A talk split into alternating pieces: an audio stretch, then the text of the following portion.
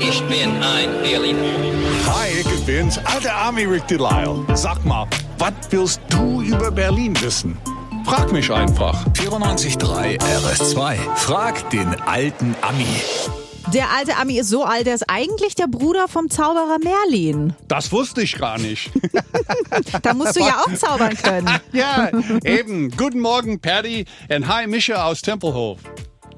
Ja, schönen guten Morgen. Morgen. Was kann ich für dich beantworten heute? Ja, ähm, ich überlege mir schon seit längerem einen Elektrowagen anzuschaffen. Bin mir aber noch irgendwie unsicher. Ich weiß nicht, ob sich das so wirklich lohnt, äh, wenn man mal keine Ladestation in der Nähe hat. Weil so viele gibt's ja davon auch gar nicht, oder? Ja, das geht ja viele Leute so, ne? Ich grübele auch immer. Ich fahre nicht mehr, aber meine Frau dafür. Weil wir sagen immer, "Hm, könnte man ja schon mal. Hm. Mittlerweile gibt es aber recht viele diese Stationen in Berlin. Insgesamt sind es bei 1000 Stück.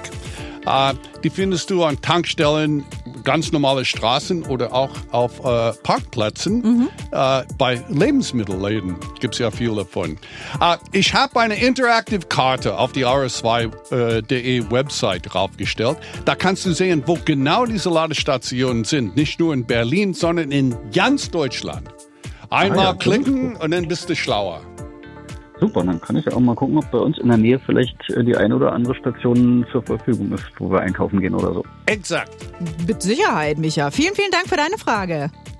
Ja, gerne. Was auch immer du über Berlin wissen willst, Frag den alten Ami. Auf 94.3 RS2.